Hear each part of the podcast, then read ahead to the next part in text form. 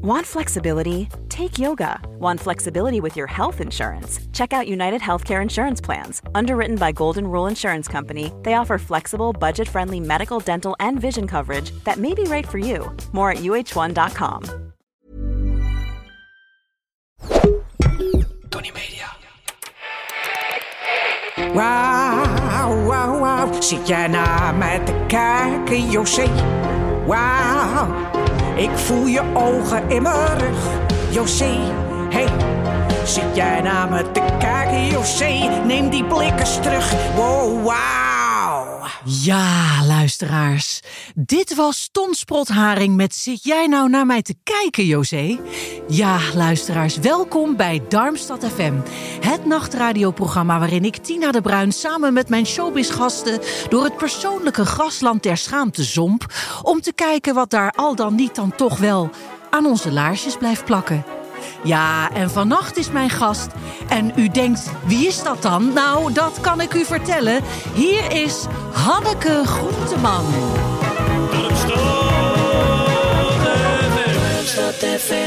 Ja, Hanneke Groenteman. Dag uh, Darmstad, Tina. Hallo. Goeienacht. Nou zeg. Ja, Het is wel even buffelen, hè, zo midden in de nacht. absoluut. Maar goed, ik, ben, ik heb een middagslaapje gedaan. Oh, dus je hebt je echt voor, Ik voorgeslapen? heb me helemaal voorgeslapen en eh, ik heb gedoucht voordat ik hierheen ging. Zodat ik toch nog een beetje fris en fruitig hier zou zitten. Ik ruik een beetje een appeltjesgeur. Kan dat? Het is een hele frisse appeltjesgeur die je zou met je kunnen, meebrengt. zou kunnen.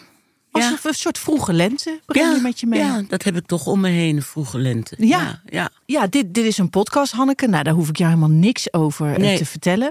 Eh, er staan hier een aantal camera's, hè? Eh, maar die doen het niet.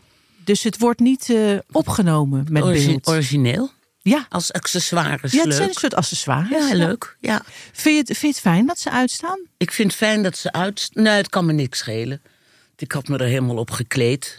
Dus eh, ik had ook goed gevonden dat ze aanstonden. Maar ik vind het hier heel gezellig en huiselijk en warm en nachtelijk. Darmstad, hè? Warmstad, zeggen warm, mensen ook. Oh, wel eens. zeggen mensen ook wel Ze eens. zeggen ook wel eens Warmstad. Ook, dat snap ja, ik. eh, Hanneke.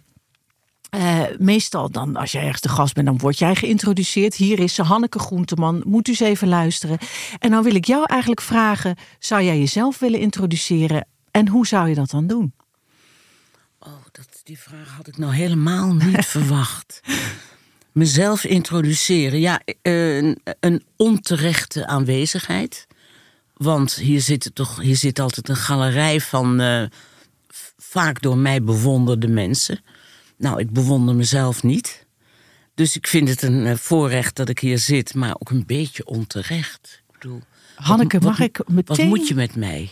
Wat moet ik met jou? Ja, Wat ik met jou moet, is dat ik het. Ik vind het heel fijn dat jij hier bent. Want in die galerij vind ik jou toch wel een, een koningin. oh echt? Ik vind jou wel een koningin. Hè? Nou, oké. Daar verschillen Want- wij over van mening, maar dat geeft niks. Dat geeft niks, dan kunnen we toch eh, met elkaar in verbinding staan. Heb je nog meer over jezelf te vertellen? Ik ben oma en natuurlijk ook moeder, maar vooral oma. Vind jij jezelf eigenlijk een beetje een, een, een glamour princess of show? Wat denk je? Na je introductie denk ik nee. Nee, ik vind het ook niet, nee. Je houdt niet van de limelight, je houdt niet van de, de fotograaf, je houdt niet van de, de showbiz. Nee, nee, nee, helemaal niet. Want, maar daar pas ik ook niet met mijn, met mijn uiterlijk en mijn uitstraling en mijn schaamte en mijn. Dat, ik pas helemaal niet in limelights. Dan schaam ik me nog meer. Ik hoor jou zeggen met mijn uiterlijk. Ja. Ik zou er graag een boompje over willen. Wat, wat is er mis met jouw uiterlijk, Hanneke Groenteman? Het is niet om over naar huis te schrijven. Mag ik het zo eh, uitdrukken? Zo mag je het, Het is, uitdrukken. het is een uiterlijk, dat geef ik toe. Maar verder, ja, ik ben, nee. nou, ik als Het is een uiterlijk om mee op de fiets te zitten, dat is het. Oké, ik, ik warm er toch mijn oogjes wel aan aan dat uiterlijk. We zijn eigenlijk al meteen aangekomen daar waar deze podcast over gaat. En dat is, eh, is schaamte. Nou zie ik, je hebt hier een kleine knip met schaamte op tafel eh, gelegd. En nou wilde ik vragen, wil je hem eens openknippen? En wat komt er dan uit? Ehm, eh, eh, schaamte ja, zodra je erover praat, vervliegt het eigenlijk al. En dan wordt het een beetje een raar onderwerp. Maar schaamte hangt om mij heen als een jas. Ik schaam me eigenlijk zachtjes. Het is ook niet zo dat ik me de hele dag loop dood te schamen. Maar schaamte is wel mijn core business, zal ik maar zeggen. Ik ben er gewoon een beetje van opgetrokken. En dat maakt dat je ook een, een beetje een beschaamd, voorzichtig iemand wordt. Dat je niet te ver je kop boven het maaiveld uitsteekt. Want voor je het weet zien ze je en dan schaam je je weer. Dus het is een hele rare emotie, vind ik. Maar jij durft je, je kop wel boven het maaiveld Ja, uit te steken. Dat is, ik denk dat dat bij veel mensen in de openbaarheid is. Dat je aan de ene kant eigenlijk beschaamd en verlegen bent. En aan de andere kant een halve exhibitionist. Ja, het verlangen dat je kop eraf gehakt wordt. Ja, of dat je gezien wordt in ieder geval. Ik, jij komt volgens mij ook uit de wereld van de limelights en de, eh, de camera's. Soms, Soms, als je geluk hebt. ja, En, voor mijn werk. Ja, voor je werk. En je kent dat misschien wel. Dat je aan de ene kant weg wil kruipen en aan de andere kant wil roepen: kijk naar mij. Nou, ik heb dat een beetje. Jij zegt eigenlijk heb je het over een soort algehele schaamte voor de, voor de mens aan zich. Ja, Waar is dat begonnen? Kan je een moment herinneren waarop je je heel bewust van, was van, die, van dat je dacht: oh, nu wil ik verkrummelen? ja dat, ik kan me gek genoeg een heel goed een moment herinneren. Ehm, dat was toen ik klein was natuurlijk, want daar begint eigenlijk alles. En ik was een. eh, ik ben Joods, dus ik was in de oorlog en ik ben stokoud. Dus ik was in de oorlog ondergedoken bij een heel erg lief christelijk gezin. Waar ik ook eh, na de oorlog nog heel lang heel veel contact mee heb gehouden. En toen was, waren een heleboel kinderen in dat gezin. En die werden ook tijdens dat ik daar in de oorlog was geboren. Dus die waren al een beetje groter na de oorlog. En toen ging ik daar een keer. Ik ging mijn vakanties ook altijd daar naartoe. Naar Waar was het? Rijnsburg heet het. Dat is bij Oegstgeest, bij Leiden. En eh, een keer ging ik daar met vakantie weer heen. Toen was ik zeven of zo, of acht. En ik heb zwart haar. En die kinderen hadden allemaal blond en rood haar. En ik stond daar in de deuropening van de keuken... waar ze allemaal aan tafel zaten in mijn verbeelding, in mijn herinnering. En toen zei één kind, en die keek naar mij en die zei... "Ah, een neger met een snor. En dat was ik. Omdat ik zwart haar had en eh, waarschijnlijk een beetje een bruin, weet ik veel. Ik had in ieder geval, voor zover ik weet, op mijn zevende geen snor. En, eh, maar ze zei, een neger met een snor. En toen wou ik verkrummelen en van schaamte wegkruipen. Snap je? Dat snap ik heel goed. Toen dacht ik opeens, zo kijken zij naar mij. En ik ben niet één van het gezin. Terwijl ik tot die tijd altijd het gevoel had dat ik helemaal in het gezin hoorde. Dat is heel pijnlijk. Ik vond het ook pijnlijk, daarom heb ik het ook onthouden. Ja, En een neger met een snor. Ik dacht altijd, als ik nog eens een boek schrijf, wil ik het zo noemen. Maar dat mag geloof ik niet meer, hè? het N-woord met een snor. Maar goed, toen werd dat dus Ja, tuurlijk. tegen jou gezegd. En stond je opeens buiten de familie waarvan je dacht... Vond ik wel. Opeens zag ik mezelf. Ik dacht, ja, ik, ik ben anders dan zij. En dat was het eerste moment dat ik... ehm, ja, toen wat jij zei, dat je verkrummelde... dat ik in ieder geval me, me ontzettend schaamde. Hoe was het om onder te duiken? Ha- Had je veel angst in die tijd? Nee, het Was je het was bewust? de fijnste tijd van mijn leven volgens mij. Ik was, kijk, ik was 2,5 toen ik ging onderduiken, zonder mijn ouders, hè, dus heel klein. Dat herinner ik me niet. Flarden. En toen ben ik in verschillende gezinnen ondergebracht, steeds verraden en weer naar de volgende. Uiteindelijk ben ik dan in Rijnsburg terechtgekomen. En toen was ik ongeveer vier. Van mijn vierde tot mijn zesde. Dus dat herinner ik me heel goed. Ja, dat was net een soort mand met jonge honden voor mij. Mijn ouders herinnerde ik me al helemaal niet meer, want die waren er niet bij. Dus eh, ik, ik werd daar opgenomen en tante Cor, mijn pleegmoeder, was een, volgens mij een engel. Ik dacht ook dat ze heel dik was, maar ze was helemaal niet dik. Maar ik dacht dat. En ik mocht altijd bij haar blijven. Ik mocht niet naar buiten, ik mocht niet naar school. Dat vond ik allemaal fantastisch. Dus lekker met haar huishouden, huishoudelijke werkjes doen en kopen poetsen en eh, aardappels schillen en wat je zoal doet in een groot huishouden. En ja, tante Cor was gewoon de liefste vrouw ter wereld. En de kinderen waren gewoon net zo oud als ik, of ietsje ouder of iets jonger. Maar het was een mand met jonge honden. En op zondag naar de kerk. Want dan mocht ik wel naar buiten met een hoed op. En dan gingen we de hele dag eerst naar de zondagsschool en dan nog naar een oma en dan weer naar de kerk en nog eens naar de kerk. En nou, het was allemaal even leuk. Wat geweldig. Ik vind het geweldig. Dus er was liefde en geborgenheid. Absoluut. Het, het, het probleem kwam pas toen mijn ouders me kwamen halen. Want die hebben het ook overleefd, maar die zaten ergens anders. Dus een maandje na de oorlog stonden er opeens twee voor mij wildvreemde mensen voor de deur die deden net of ze mijn ouders waren. Dat zijn ze blijven doen trouwens. Dus toen moest ik mee naar Amsterdam. En Dat vond ik niet leuk. Hoe, hoe bedoel je dat? Ze deden alsof ze. Nou ja, ik dacht toen van ja, die mensen, het zijn twee, twee aliens die zeggen, nou, wij zijn papa en mama. En moest meteen mee ook. Althans, nadat ze een kopje thee hadden gedronken, neem ik aan. Ja, en, en eigenlijk vond ik dat een veel vervelender tijd, aanvankelijk, dan die jaren in die onderduik. Dat is een enorme, ja, een enorme Ja. breuk. Ja. Maar goed, dat is ook allemaal natuurlijk aan elkaar gegroeid en een broertje gekregen. En eh, ja, toen hebben we gewoon onze levens weer opgepakt. Maar die onderduiktijd, van angst heb ik nooit iets gemerkt. Ik heb het gewoon niet gemerkt. Ik was ook veel te klein. heel klein. Ja, gelukkig wel.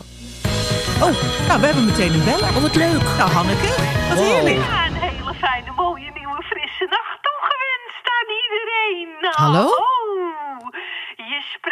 Katinka Bontekoe en ik zit natuurlijk wel lekker te luisteren naar Darmstad FM. Ja. En er zit de Hanneke Groenteman. Hallo, mevrouw Bontekoe. Ja, ik zit lekker te luisteren natuurlijk. Ja, wat leuk.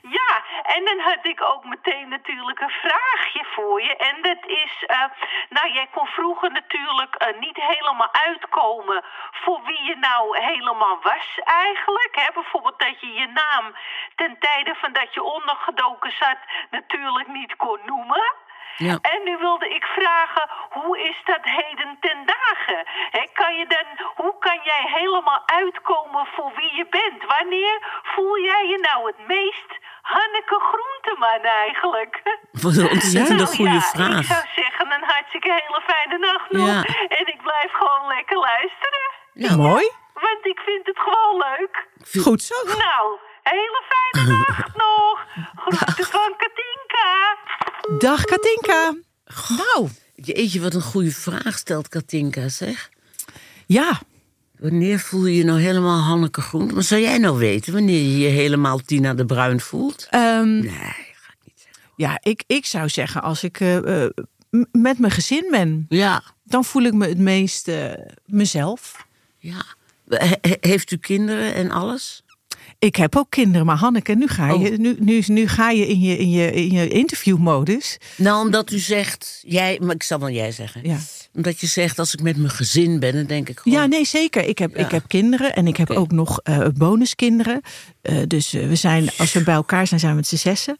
Dus, en dat vind ik wel een fijne omstandigheid. Ja. Want dan gaat het ook helemaal niet zo over mij. En dat vind ik altijd wel fijn. En als je dan aan tafel zit met z'n allen of zo, ja. Maar weet je wat het is, Hanneke? Ik heb een interviewcursus bij jou gedaan. Ik ga het gewoon zeggen. Toen heb jij mij geleerd, je moet nooit over jezelf hebben. Je moet jezelf in een rugzak op je rug binden. ik ga heb ik mijzelf in, in een rugzak binden. Hanneke, wanneer voel jij je nou het meest jezelf? Mevrouw Groenteman. Ehm, ja, toch eigenlijk ook als ik met mijn familie ben. Eh, Alhoewel die mij wel heel erg plagen altijd, moet ik zeggen. Op welke manier word jij geplaagd? Ja, ik, ik kom uit een plaagfamilie en heb dat zelf ook een beetje. Maar zij hebben het extra large. Dat ze me steeds zeggen van ja, maar jij dementeert ook een beetje, weet je wel. Alles wat ik... Bijvoorbeeld mijn kleinkinderen werden van de week 22, maar ik dacht dat ze 21 werden. Het is een tweeling. Dus ik had allemaal eh, leuke kaartjes bij het geld wat ze kregen gemaakt. Van gefeliciteerd met je 21ste en 21 alweer en zo. Maar ze werden 22. Nou, dat heb ik dan geweten. Dat zou je de, de rest Dat van je leven altijd horen. blijven horen. Maar dat plagen heeft ook iets heel liefdevols. Want als je een hekel hebt aan mensen, dan plaag je ze niet. En als, je, eh, als de, de basis liefdevol is, dan kan je ook zeggen van... eh, wat ben je toch dom of zo, weet je wel. Nou, ik voel mij het allermeest Hanneke Groenteman... Bassie, zoals ik in die kringen heet. Waar komt dat vandaan, Bassie? Ja, van Bassie en Adriaan. Van toen ik een keer zat te hard te jagen en won... toen gingen ze zingen Alles is voor Bassie. Ah, En dat was al voordat er nog maar iemand geboren werd. Was. Alleen Gijs was er toen nog. En die ging toen met zijn vrouw steeds zingen... Alles is voor Bassie. Nou, toen zijn ze me Bassie gaan noemen. En inmiddels noemt ook de hele vriendenkring van, van hun mij Bassie. En heet ik Bassie. je hebt, je hebt Dus ik voel me heel erg Hanneke Groenteman... als iemand mij Bassie noemt. als iemand jou bas, dan weet je, ik ben onder mijn eigen Ik mensen. ben onder mijn eigen. Ik ben veilig. Ja. ja. Maar het gekke is dat ik toch ook wel lange tenen heb hoor. Wanneer had je voor het laatst lange teen dat je dacht, dit hoef ik niet te pikken? Wat is dit nou weer? Dat zou ik 1, 2, 3 niet weten.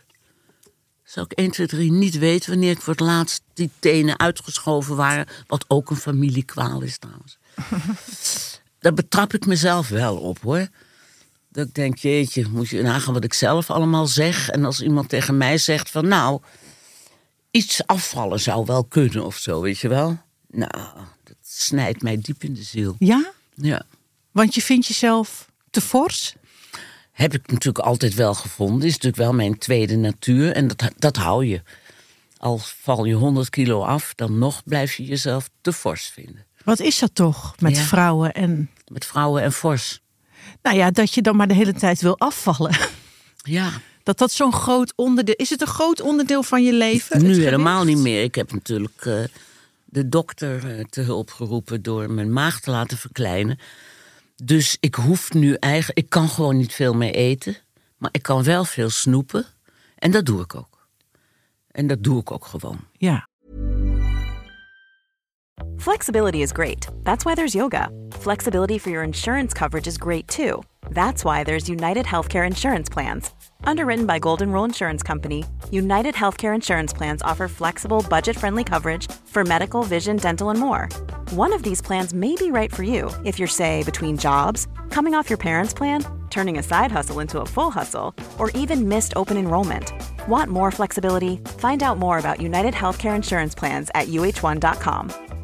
If you're looking for plump lips that last, you need to know about Juvederm lip fillers. With Juvederm Volbella XC and Juvederm Ultra XC, your lip look, whether it's subtle or bold, can last up to one full year with optimal treatment and no additional maintenance. Find a licensed specialist and see if it's right for you at juvederm.com today. That's J U V E D E R M.com. Add fullness to lips in adults over 21 with Juvederm Volbella XC or Juvederm Ultra XC. Do not use if you have severe allergies or a history of severe allergic reactions, or if you're allergic to lidocaine or the proteins used in Juvederm. Tell your doctor if you have a history of scarring or taking medicines that decrease the body's immune response or that can prolong bleeding. Common side effects include injection site redness, swelling, pain, tenderness, firmness, lumps, bumps, bruising, discoloration, or itching. As with all fillers, there's a rare risk of unintentional injection into a blood vessel, which can cause vision abnormalities, blindness, stroke, temporary scabs, or scarring. For full important safety information, visit juvederm.com. En wat het liefst als mensen bij jou op bezoek komen, wat moeten ze dan meebrengen? Iets van de firma Holtkamp. En verder, nou, ik hou het meest van domsnoep. Van spekkies en van wijngums. En Vind jij jezelf eh, bevoorrecht? Een bevoorrecht mens? dat ben ik gewoon. Het hangt er vanaf tegen wie je het afzet. Als ik het tegen de wereld afzet, dan hoor ik bij de 0,0001% bevoorrechten op deze wereld. Het feit dat we hier geboren zijn en dan nog de plek waar ik terecht ben gekomen, namelijk in een goed huis met een goede familie, in een toch in redelijke welstand. Ehm, ik, ik vind ook dat ik eh, de, de goede meningen heb. Dus ik omring me met mensen met dezelfde mening. Dus dat is ook een heel comfortabel gevoel. Dus ik vind mezelf enorm bevoorrecht. Ik heb mezelf ook wel eens een beetje zielig gevonden dat ik bijvoorbeeld alleen leef. Toch niet een man en veel kinderen en bonuskinderen heb, zoals jij. Dat ik met z'n zessen om tafel zit. Nee, ik ben bijna 84 en ik zit alleen in mijn keuken met een hele lieve poes trouwens. En af en toe natuurlijk bezoeken en mensen. Dus dan kan ik mezelf af en toe wel eens zie- denk, ja, toen ik eh, meisjesromans las vroeger, toen ik 14 was, had ik toch altijd een knappe jonge arts in opleiding gewild met een sterke kaaklijn die met mij trouwde en waar ik kinderen mee kreeg. Is niet gebeurd. Het is een ideaalbeeld natuurlijk wat je Ja. beschrijft. Want die dokter met die harde kaaklijn, Ja, die heeft natuurlijk ook allerlei flaws. ja maar die staan niet in de meisjesromans. Mijn, Dat is waar. mijn lievelingsboek was Cupido speelt Kiekeboe. Nou, daar had die man alleen maar een sterke kaaklijn en werd chirurg. En zij, eh, nou, of, of hij was haar leraar. Nou ja, zoiets. Of een verpleegster met een dokter, of een leerling met een leraar. Alles was mogelijk in die meisjesromans.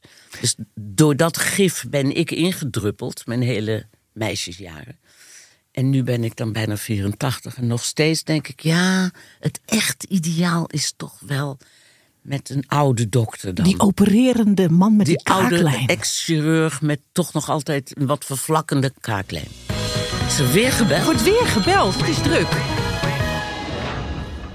Ja, hallo, hallo, ja. Dag, je spreekt met Freek Spanbroek. Ja, kan niet missen. Ja, Hi. en ik zit weer te luisteren naar Darmstad FM en eh, dat is voor mij toch een eh, lichtpuntje in de duistere nacht, echt waar. Want eh, ik zit die hele dag met Karen te verwerken, die hele lange dag. Dus eh nou kom ik helemaal bij. Gelukkig. Want nou zit daar Hanneke Groenteman, zeg. Ja, Hallo, Hanneke. Hallo, hallo. Ja, ik zit lekker van jou te genieten. Dank u wel. En eh, dan had ik een vraag voor jou en dat is... eh jij werkt al je hele leven in de media natuurlijk en... eh nou wilde ik eens vragen, wat is het effect van bekendheid op het maken van vrienden en het behouden van vrienden? Dus eh, ja, rondom de vriendschap, zou ik maar zeggen. Oh ja. ja, ja. Nou, ik blijf lekker naar jullie luisteren, want jullie zitten er helemaal lekker in en eh, ik kom helemaal bij. Als Nou, fijn, wat leuk. Hoor, echt waar. Ja, Nou, groetjes van Freek Spanbroek. Ik schenk mijn eigen gauw nog een bakootje in. Ja, daar. een Dag. bakootje. Oh, lekker. Nou, dat vind ik toch wel pittig dat hij dan toch zo s'nachts nog belt en alles. En dat hij meeluistert. En, en een interessante vraag ook weer. Ja, ja. Ik vind wel een hoedje af voor je luisteraars. Ja, mijn hoor. luisteraars die Oh. laten het er niet bij zitten Wow. qua Nee, vragen. Absoluut. Mijn media-aanwezigheid is ook weer niet van dien aard dat, dat dat wat dan ook beïnvloedt, behalve dat het mijn leven veel leuker maakt. Ik heb natuurlijk een paar vrienden waar ik mee te maken heb gehad in de media. En dat zijn dan nou, bijvoorbeeld Paul de Leeuw, Ja. dat is toch een van mijn hartsvrienden. Ja, daar heb ik gewoon mee gewerkt. Ja, je, je kan ook zo iemand opdoen op een, eh, op een kantoor waar je gewerkt hebt. En dat je, dat je opeens klikt met iemand, zoals Ja. dat heet. Nou, ik heb in de redactie van de Schreeuw van de Leeuw gezeten. En, en toen zijn wij eh, gek op elkaar geworden. En dat zijn we nog steeds. We klaverjassen nog altijd. Heerlijk. Ja, ik voel me ook heel erg Hanneke Groentman. Even de vorige vraag. Ja. Als ik zit te klaverjassen. Dat is wel mijn aller, aller, aller heerlijkste staat van zijn. Heerlijk. Ja, ik doe het, mag het ook graag doen met mijn vrienden. Oh ja? Ja. Ik wil ook nog even, toch even terugkomen nog op je vorige vraag. Want je had het over die dokter met die kaaklijn. Ja. Hè, waarvan, waarvan je vroeger droomde. En denk ik, is er nog plek voor eh, eh, een erotisch intermezzo met een dokter die opereert met een hele stevige kaaklijn? Of denk je? Nee, ik vind eigenlijk alleen jonge mensen heel erg leuk. En jong bedoel ik ook 50 hoor. 60 vind ik zelfs ook in mijn optiek natuurlijk nog redelijk jong. Ja, die zitten nooit te wachten in de hetero-wereld waar ik in verkeer. eh, Die zitten nooit te wachten op een vrouw van 84. Dus dat komt helemaal niet meer voor. En dat komt ook in mijn beleving ook helemaal niet meer voor. Ik ben wel getrouwd geweest hoor. Mijn ex-man, wat ook mijn, een van mijn liefste vrienden is gebleven tot een paar maanden geleden, want toen overleed hij. dus ik ben getrouwd geweest en ik heb natuurlijk ook ehm, zo mijn eh, liefdes en avonturen gehad en mislukte liefdes. Maar nu ben ik zo ongelooflijk tevreden hoe het leven nu is. Ik, ik doe leuke dingen. Ik heb een heerlijk huisje. Op gewoon dagelijkse basis zou daar niemand meer bij passen. Als iemand anders mijn afstandsbediening zou pakken, zou ik al. Ontsteek je in kribbig- woede. Zou ik al kribbig worden. ja, ik kan me dat helemaal niet meer voorstellen. En erotisch gesproken. Het, ja, ik, de- daar schaam ik me ook een beetje voor, maar ik, ik heb die verlangens niet meer. Dat gaat dus weg. Bij mij, hè? Dat kan je niet. En als er een, een, iemand met een toverstaf, een spreekwoordelijke toverstaf, waar die dan ook zit, zou komen en mij zou beroeren, zou ik misschien denken: jeetje, het zit er gewoon. Wat een staf. Ja, Wat een staf, man. Dus je weet het, maar je weet het niet, maar ik denk het niet. Maar je kan nog, je kan toch nog wel verliefd worden? Ja, maar ik word nog wel eens verliefd op iemand van 25. Ja, bedoel, dat is ja. Ik, ik vind soms mensen zo ontzettend leuk. Maar die zijn dan. En dat is dan ook niet verliefd. Dat. Ja, of wel verliefd. Ik Maar- weet het maar niet, niet maar niet dat dat, je ik denkt, denk. ik sla de staf? lakens naar achteren. waar zit die staf? Ik ga met die staf roeren. Nee, dat, nee, maar het- ik vind jongere mensen gewoon zo ontzettend veel spannender en leuker en inspirerender en leven inblazender dan mijn leeftijdgenoten. Toen wij net eh, het gesprek begonnen, hadden we het over de oorlog. En ik, ik ben zo benieuwd hoe jij deze tijd ervaart. Na alles wat je toch ook mee hebt gemaakt. Hoe, Ja. hoe zie jij deze tijd? Ja, ik heb natuurlijk, dat is eigenlijk de, nou, de incentive, de reden waarom ik graag veel voor Wordchild doe. Want Wordchild, ik ben ook met Wordchild naar Oeganda geweest. Om daar naar project, die doen echt kinderen en oorlog. En hoe haal je de oorlog uit de kinderen? En eh, dat, ja, dat raakt mij. Ja, ik denk iedereen, maar mij toch heel erg, omdat ik toch altijd mezelf zie als heel klein kind, wat toch, toch een oorlogsslachtoffer is en eh, was. En, ehm, en als ik nu nou, kinderen in Oekraïne zie, maar ook. Maar ik heb het ook bij meisjes, eh, eh, eh, bij jonge mensen in Iran of bij Afghanistan, waar die de Taliban weer zo huishoudt. En Oekraïne al helemaal.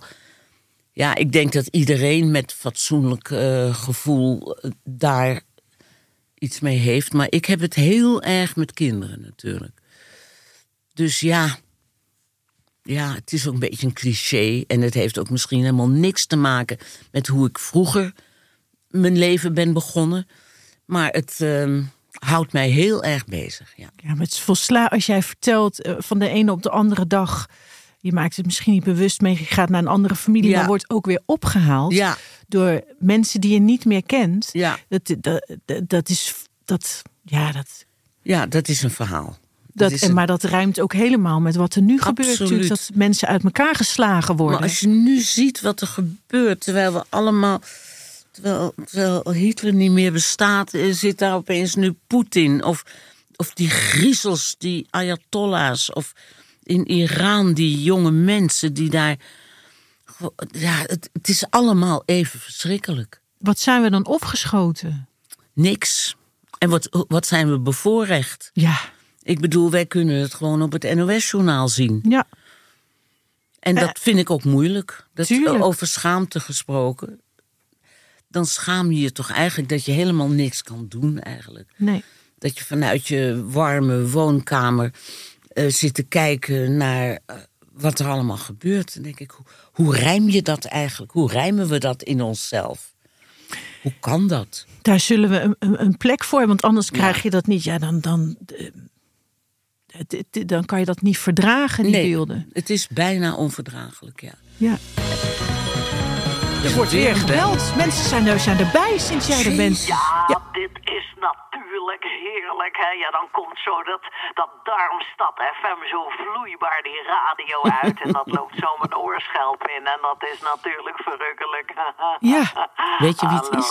je spreekt Andrea met Andrea. Zie je? Ach ja, Ik zit genieten en eh, dan zit daar opeens eh, Hanneke Groenteman. Ja, Ja. ja, dag Ja. Hanneke. Dag mevrouw. Ja, wat heerlijk. Ik zit echt lekker te luisteren aan.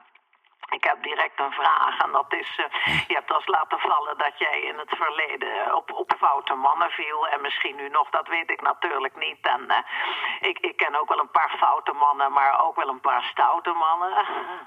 Ja. Daar hou ik me natuurlijk intens mee bezig. Ja. eh, nou wilde ik vragen, wat kenmerkt nou zo'n foute man? Hè? Waar, waar kan je ze aan herkennen? Hè? Het foute Hm. mannetje. Nou, ik wens jullie een hele fijne nacht. En ik, ik zit heerlijk hier met de poezen op schoot. Ik heb een paar borrelnootjes, dus het is knabbelen geblazen. Oké. Nou. Ga zo door. Nou. Ja. Fijne nacht. Nou, Ja. Ja. Oh, nou, Oh, de vraag is Andrea gesteld. Pierlet. Ja, Foute man. Ja, maar, maar de fout is natuurlijk in the eye of the beholder. Hè? Ik Zeker. bedoel, ehm, wat de meest aantrekkelijke man voor jou zou kunnen zijn, zou voor mij een foute man zijn. Dus het is heel persoonlijk Ja. en niet eh, lelijk bedoeld. Foute mannen hebben voor mij ehm, in ieder geval zo'n eh, sjaal in hun overhemd. ja. Ehm, ze hebben eh, vaak een, beetje vormeloze rode broek. Oh, ja. Ehm, overhemd. Ze hebben natuurlijk een eh, Audi of zo, zo'n soort auto. Ze verdienen veel geld en laten dat graag weten. Ehm, wat hebben ze verder? Ja, ze stemmen uiteraard op een partij waar ik nooit op zou stemmen. Ik denk niet voor voor democratie, dat is te erg. Ja. Dan vind ik eigenlijk foute mannen nog helemaal niet het woord. Dus ik denk dat ze gewoon een beetje de, de rechtse kant van de VVD zijn. De behoudende kant van de VVD. Ze, doen, ze hebben veel aandelen. Dus dat zou ik ook heel graag willen hebben trouwens. Ze hebben ook veel geld. Of in ieder geval doen ze net alsof ze veel geld hebben. En, eh, en ze eh, zijn keiharde seksisten. Dat vind ik, eh, als ik even moet associëren, want ik heb me er niet voorbereid. Dat zijn foute mannen. Maar toch ligt daar een kern Nou, van aantrekkingskracht ja, wat voor ik nu jou. beschrijf eigenlijk niet. Oh, Dan, want, want dat was natuurlijk de vraag van mevrouw Pierlet. Ehm, wat, wat me aantrekt in foute mannen.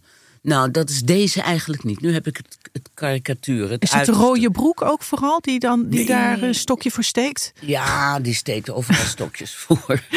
Eigenlijk alles wat ik net... Die sjaal steekt ook Ja. overal stokjes. Nee, zij, zij komen... Mijn e- erotische antenne gaat niet trillen van, van die man. Duke Veninga en ik, mijn vriendin en ik... met wie ik ook die interviewcursus geef... wij werkten vroeger samen in een, ehm, in een eh, feministisch radioprogramma. Dat heette Hoor Haar. Daar was ik eindredactrice van. En toen hadden we ook een rubriek en die heette Meneer. Zo heette die rubriek. En dan zochten wij foute ma- mannen op. En die interviewen we dan over vrouwen en eh, wat zij vonden van vrouwen en feminisme. Nou, daar waren heel veel foute mannen. Die waren bijvoorbeeld eh tophockeyers. Dat wil nog wel eens een foute eh, mannenvijver zijn. Dan gingen we naar een wedstrijd van eh, Bloemendaal tegen Klein Zwitserland. En het waren eigenlijk ook spelers van het Nederlandse elftal. En mogen u iets vragen? Wat doet uw vrouw op het ogenblik?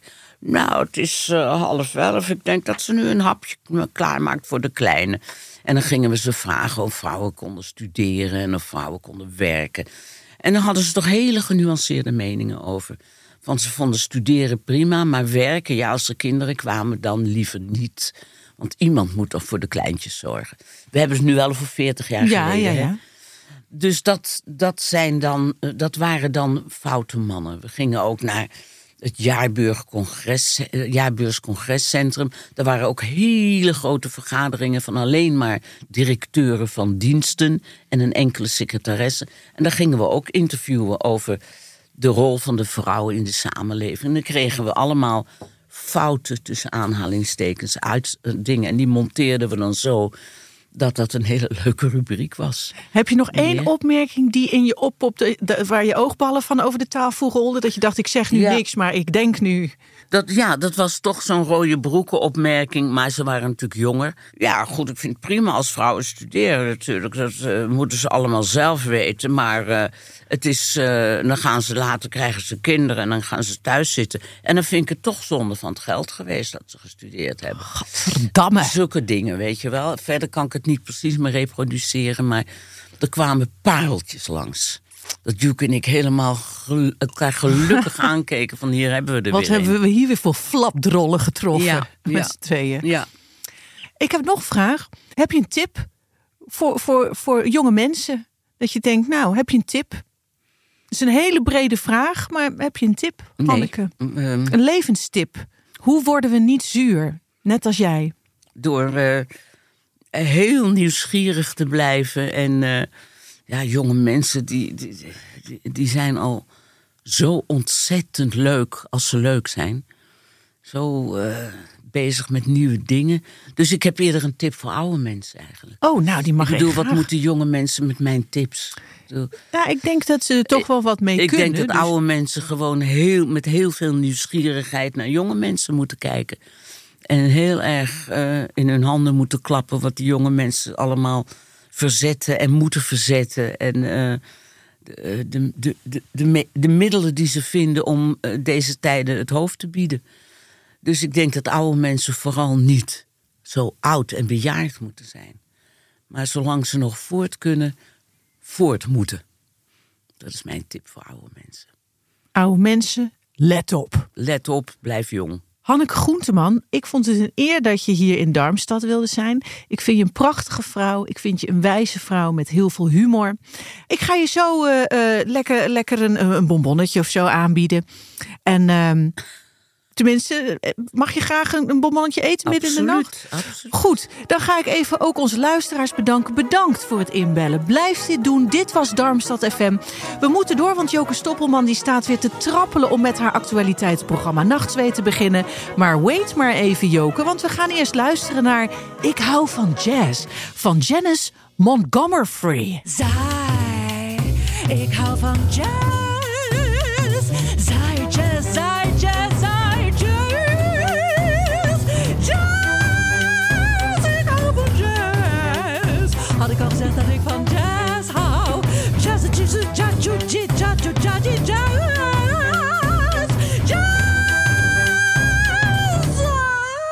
Je mailt me een rapportcijfer wel door, hè, Hanneke? absoluut. Ik heb je zien schrijven, hoor.